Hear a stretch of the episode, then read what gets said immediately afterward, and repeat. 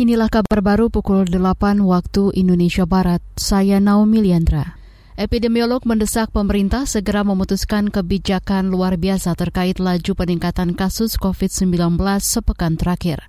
Ahli wabah Universitas Indonesia Triunis Miko Wahyono mengingatkan lonjakan kasus harian harus ditekan dengan membatasi mobilitas masyarakat secara bertahap. Saya uh, taruhan begitu sama pemerintah. Ya kalau pemerintah tetap begini ya artinya pemerintah membiarkan kasus hariannya meningkat begitu. Hmm. Kalau kalau pemerintah berubah ya artinya pemerintah mencoba menurunkan jumlah kasus uh, hariannya begitu.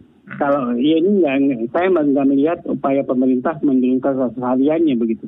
Epidemiolog dari Universitas Indonesia Triunis Miko Wahyono mengingatkan pembatasan aktivitas masyarakat harus segera diberlakukan, baik di perkantoran, sekolah, area publik, dan tempat-tempat keramaian. Kalau pemerintah tidak lekas menarik rem, Miko khawatir penambahan kasus positif akan mencapai 40 sampai 50 ribu per hari, atau sama dengan tahun lalu yang diakibatkan varian Delta. Saudara, sebanyak 19 nelayan asal Kabupaten Aceh Timur Aceh ditangkap tentara kerajaan negara Thailand. Mereka dinyatakan bersalah diduga melewati batas perairan negara tetangga tersebut.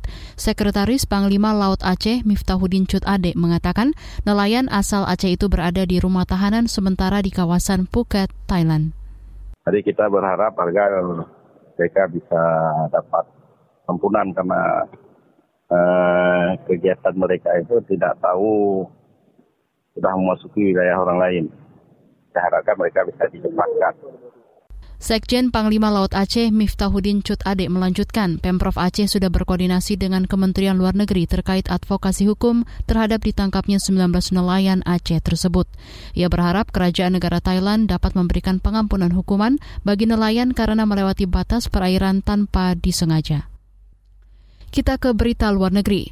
Kantor HAM PBB menyatakan sedikitnya 1.500 orang tewas dalam protes menentang kudeta di Myanmar yang berlangsung selama setahun terakhir. PBB mencatat ribuan orang lainnya kemungkinan tewas dalam konflik bersenjata. Juri bicara HAM PBB Rafina Samdasani mengatakan korban tewas termasuk 200 orang yang disiksa dalam tahanan militer.